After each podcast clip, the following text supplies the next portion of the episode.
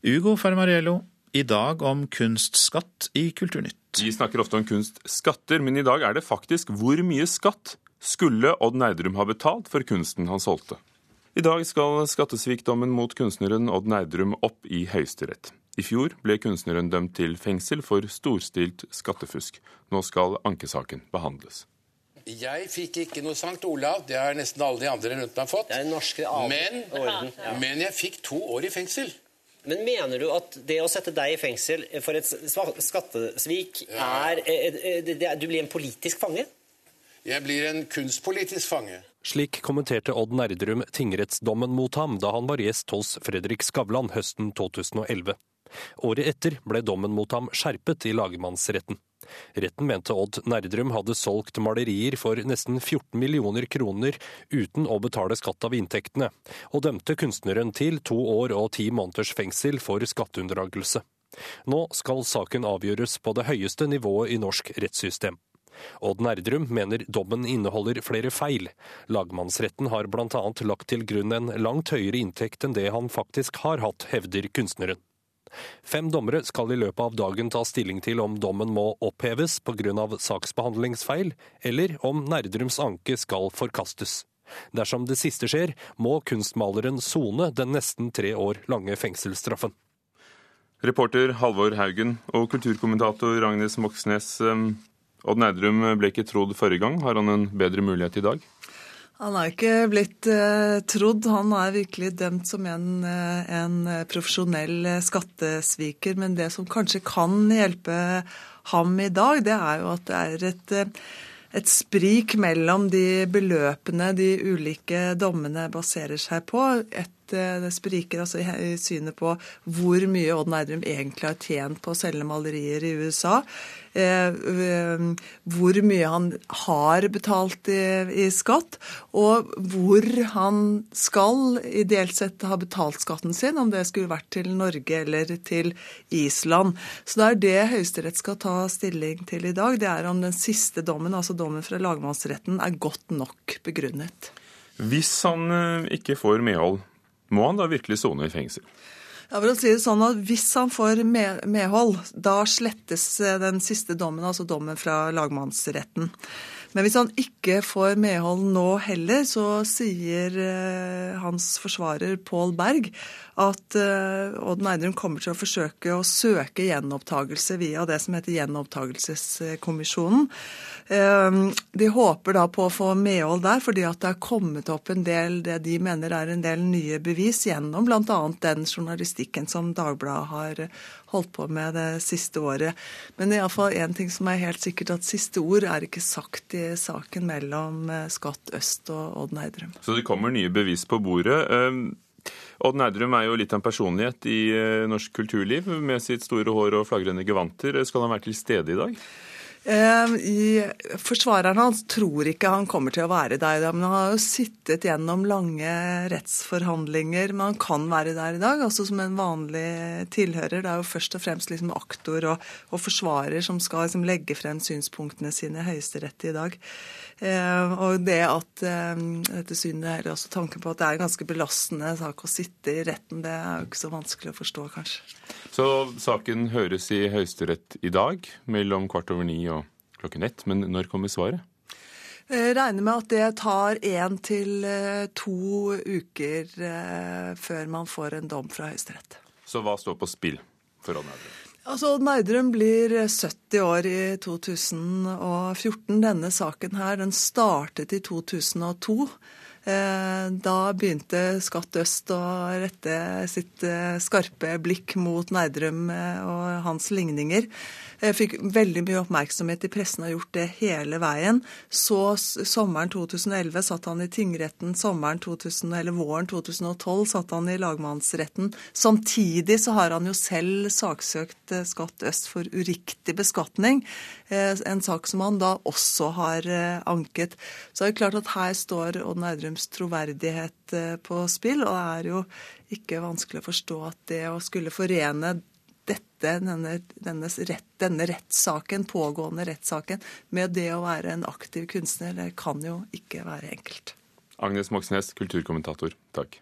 Dette er et propagandaangrep, raser Julian Assange etter å ha lest manuskriptet til filmen om hvordan han grunnla nettstedet Wikileaks.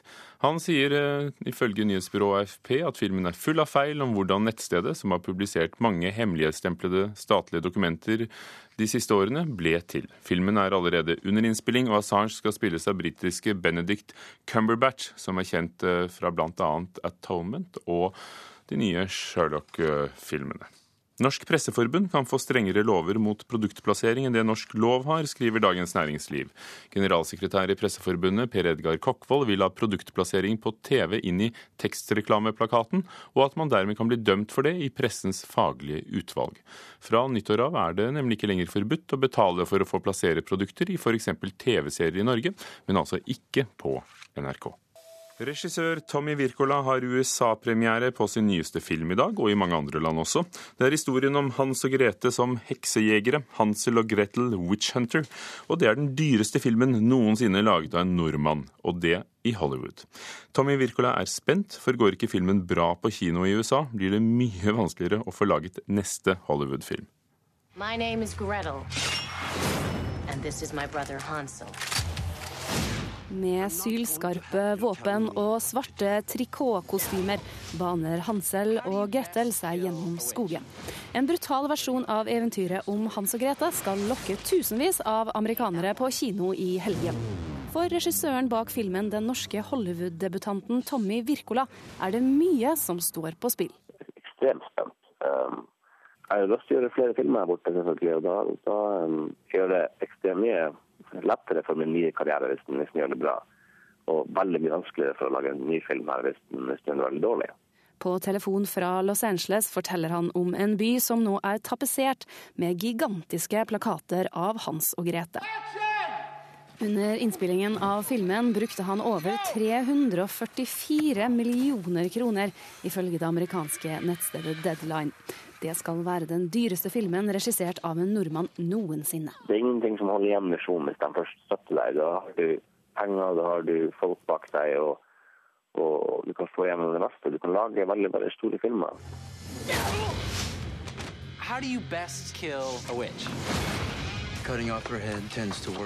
I morgen har den premiere i USA og 19 andre land. Men i Russland har filmen allerede solgt flere billetter enn Golden Globe-vinneren Django Unchained. Altså, klart, Det er jo ekstremt artig og hyggelig, og alle er jo veldig glad for det. Hei, er det ledig her? Ja visst faen er det ledig. I Norge er han kjent for filmen 'Kill Buljo'. Planen er at han skal regissere den norske storfilmen om Birkebeinerne. Men først er det altså Hollywood som gjelder. I morgen skal han stå med beina godt plantet på en rød Hollywood-løper i blitsregnet, sammen med komiker og produsent for filmen Will Ferrell. Den eneste Hollywood-stjernen Wirkola virkelig har blitt satt ut av. For altaværingen mener blandingen av Alta og LA holder ham på jorda kanskje da jeg møtte Will for første gang. Det var, det var stort, selvfølgelig. Men, men nei, jeg er veldig glad i blanding av Alta og LA. Det er en god blanding. Sunn blanding. Hmm. Sa Tommy Wirkola fra Hollywood, hvor de lager fine farger og Dolby-lyd, men gode telefonlinjer har de i hvert fall ikke, og filmen 'Hansel og Gretel Witch Hunter', som den heter i den norske utgaven også. Om Hans og Grete har norgespremiere 1.2, og reporter var Eirin Venås Sivertsen. Det nye konserthuset i Stavanger blir mellom 30 og 40 millioner kroner dyrere enn planlagt. Kommunen som eier huset må betale regningen. Rammen på 1,2 milliarder kroner ble satt i 2007, og prisutviklingen er en av årsakene til at det ble mer kostbart, sier byggedirektør Ole Hetland.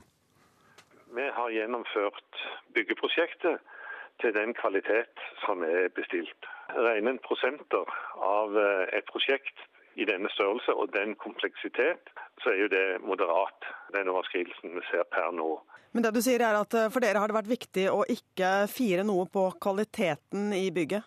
Det har vært veldig viktig, og det er det signalet vi har forholdt oss til. Og det er den bestillingen vi har forholdt oss til hele veien. Ole Hetland til reporter Anette Johansen Espeland. Og hvor høy ekstraregningen blir for Stavangers nye konserthus, får vi først vite i august. Byrådet blokkerer en åpen og folkelig debatt om salget av Bergen kino. Det mener bystyreopposisjonen i Bergen. I går ble det klart at svenske SF kino får kjøpe 49% av aksjene for 88 millioner kroner.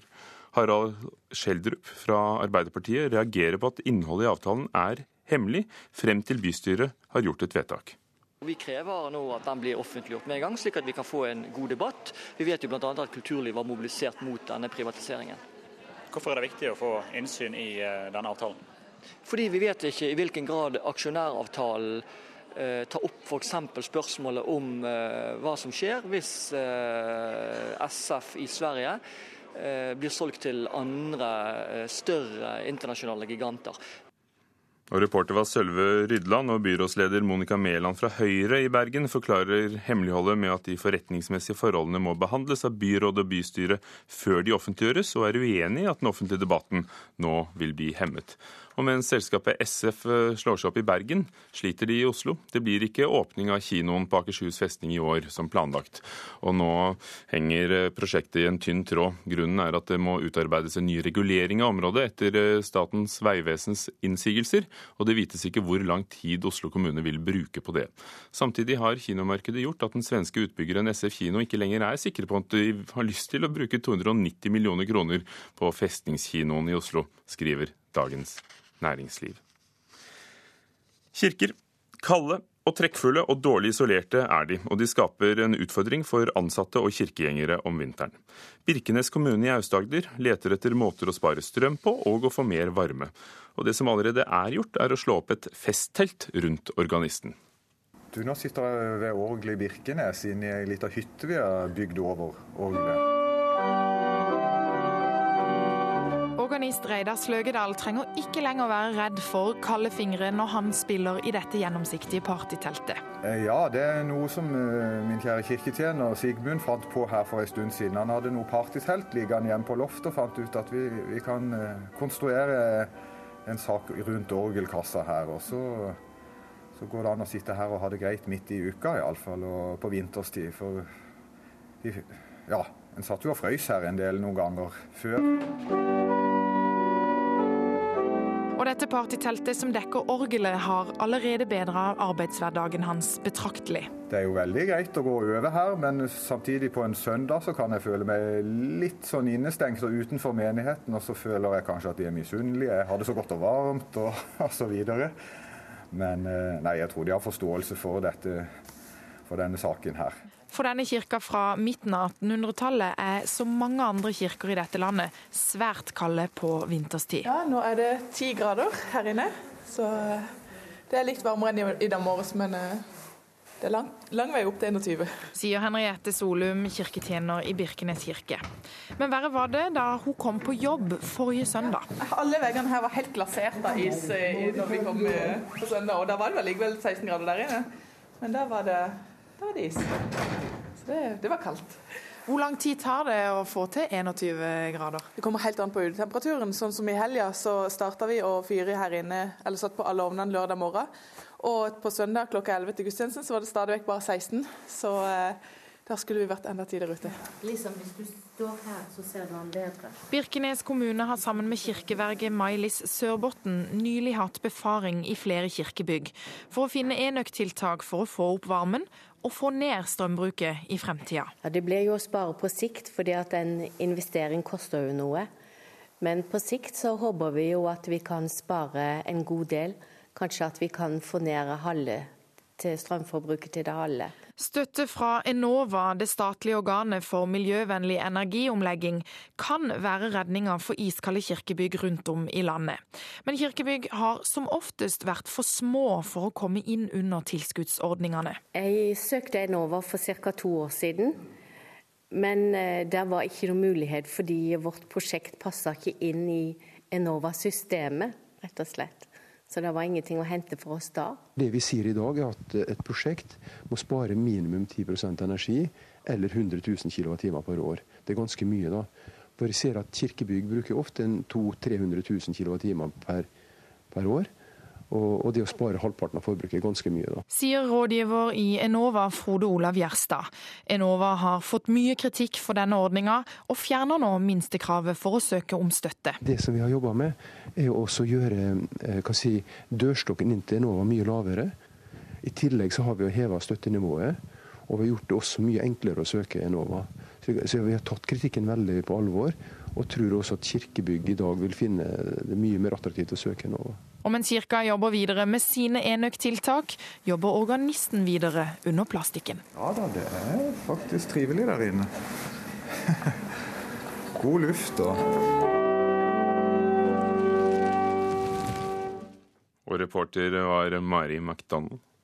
Vår filmanmelder mener at dette ikke er noen stor premierehelg på kino, men vi blir tilbudt en åpen og usjenert film om sexterapi og funksjonshemninger. Einar Gullvåg Staalesen har sett The Sessions. Well, I have these vague ideas about life and death that we priests are equipped with. The Sessions handler også om confessions. I think I need a hug. A hug? Yeah. Mannen midt i denne historien er opptatt av å gjøre tingene riktig. Han er katolsk oppdratt og har lært at all seksualitet utenom normene er minefelt. Så han går til den nye presten og spør. Han spør ham som prest, og etter hvert spør han ham som venn. Svarene presten gir som venn, er mer hensiktsmessige og romslige enn de han gir som prest. Han er livredd for sexmannen. Han er lam fra halsen og ned, men penisen fungerer, og han har opplevd noen ufrivillige sædavganger mens kvinnelige assistenter har pleid ham. Han har assistent eller ledsager hos seg nesten hele døgnet. Om natten sover han i jernlunge, altså i en stor metallboks som avhjelper kroppens ulike sviktende organ. Han har ikke andre senger i huset. Og nå har han fått råd om å gå til sexterapeut. The subject is sex and the disabled. But why now? Because we've got the money now. Vi får vite at forskjellen på sexterapeut og prostituert er at den prostituerte krever inn honoraret før behandlingen. Det mest kontroversielle i filmen er at sexterapeuten er i ferd med å konvertere til jødisk religion. Filmen forteller om poeten Mark O'Brien, som kan kjærtegne sine kvinner med ord, men ikke på annen måte. Mark O'Brien er en virkelig person som har skrevet essays om sin egen situasjon som 100% hjelpetrengende. Men filmen som forsøker å fange tanker og tankekors, og samtidig forsøker å beregne sitt publikum, er ikke veldig virkelig. So, I understand you're able to have an erection. Yes, but not by choice. The Sessions burde vært en god film. Temaet er behandlet i en kombinasjon av åpenhet og respekt. Regissør og manusforfatter Ben Levine på 66 år er en av de sjeldne amerikanske regissørene som har et naturlig forhold til nakenhet. Det kan forklares med at han er polsk av fødsel og har vokst opp i Australia. And how do you feel right now? Out of my league. I meant your breathing. Ah, fine.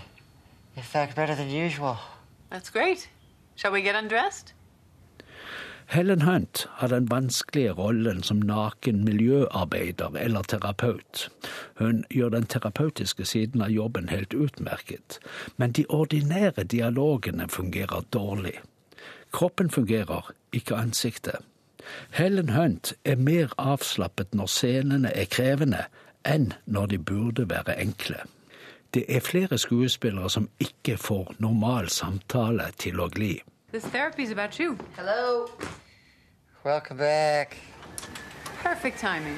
I hope you guys kept the noise down. Og Einar Gullvåg Staalesen anmelder flere nye filmer eh, i Mørkets opplevelser klokken 19 i NRK P2 i ettermiddag. Når filmer omtales som nå, så blir ofte regissøren og skuespillerne nevnt, og det gjorde de jo, mens manusforfatteren glemt. Ny forskning viser at selve filmmanuskriptet bør eh, få mer oppmerksomhet, og at det vil gi bedre filmer. Venta dere nede? Kom, da, så stikker vi. Det var det jeg sa. Har mormor kjøpt seg ny kåpe, eller? Takk skal du ha, fetter. Når filmer omtales, blir sjelden filmmanuset nevnt. Filmmanuskriptet har en veldig svak stilling som fiksjonstekst og som skreven sjanger. Nylig tok Siri Senje som den første her i landet doktorgrad på å dikte for film. Hun sier mange har et feil inntrykk av hva et filmmanus er. Det har vært uh, en ganske usynlig sjanger. Hun får støtte av dekan på Filmskolen på Lillehammer, Thomas Stendrup. Det er jo ganske mye fokus på, på regi og på skuespillere. Det er alltid de som bringes frem ved festivaler og prisutdeling osv. Vi hører bølgeskvulp, lyd av åretak. Treårer skjærer gjennom stille vann. Slik hørtes det ut da skuespiller Gisken Arman leste Siri Senjes filmmanuskript 'September' for publikum i Dramatikkens hus i Oslo. Og med Alle tror at det er replikker, ikke sant? Det er replikker og karakterer, men det er uendelig mye mer. Det er stemningsbeskrivelser, eh, beskrivelser av ting visuelt, beskrivelser av til og med lukter, av eh, ting folk gjør, måter de beveger seg på, måten de bruker eh, øyne og hender på. Altså det, er, det er veldig detaljerte beskrivelser av handling. På kjøkkenbenken står Mac-en hennes. Thomas Stendrup var der og mener at bare det å høre opplesningen av et naken filmmanus kan vekke sterke følelser. Når det sker i et kollektivt rom, så blir hele den opplevelsen veldig mye sterkere. Altså, Filmmanus er en utrolig viktig, øh, et utrolig viktig utgangspunkt for å gjøre film i det hele tatt. Filmmanusforfatteren er undervurdert, altså fordi det er så sterk fokus på regissøren. Men vi som jobber med film, vi vet jo at alle bidrag er nødvendige for å skape en film. Får ikke rare flybilletten på 70 spenn, du, din tosk. Jeg heter forresten Lena. Siri Senje mener mange slutter å skrive manus til film pga. at faget ikke er mer verdsatt. Det er nok mange som skyr det faget etter hvert, fordi de opplever at de mister den kreative kontrollen over sitt eget arbeid, siden det er så ja, siden det er lite synlig, ganske marginalisert. Det er regissøren som er kunstneren i film, ikke forfatteren. Da er det viktig at naturligvis at ethvert kreativt bidrag eh, blir sett og, og oppvurdert. Ebba begynner å samle sammen koffert og veske. I den ferske doktorgraden skriver filmmanusforfatter Senje at filmmanuskriptene bør oppvurderes som diktform. Jeg tror at eh, ved å se filmmanuskriptet og oppvurdere filmmanuskriptet, vil man ha muligheter til å få bedre filmer. Eh, Både fordi at eh, flere forfattere vil finne det interessant å skrive for en sjanger som ikke er helt marginalisert. Flere vil forstå hvor utrolig fascinerende det er som sjanger, når jeg da beskriver dets poetikk og hvordan det er skrudd sammen. Målet er jo ikke flere medaljer til forfattere. Eh, Målet er jo bedre filmer og mer interessante manuskripter. Sa dramatiker og regissør Siri Senje, som nå har tatt doktorgraden på dikte for film ved Filmskolen på Lillehammer, og reporter var Stein S. Eide.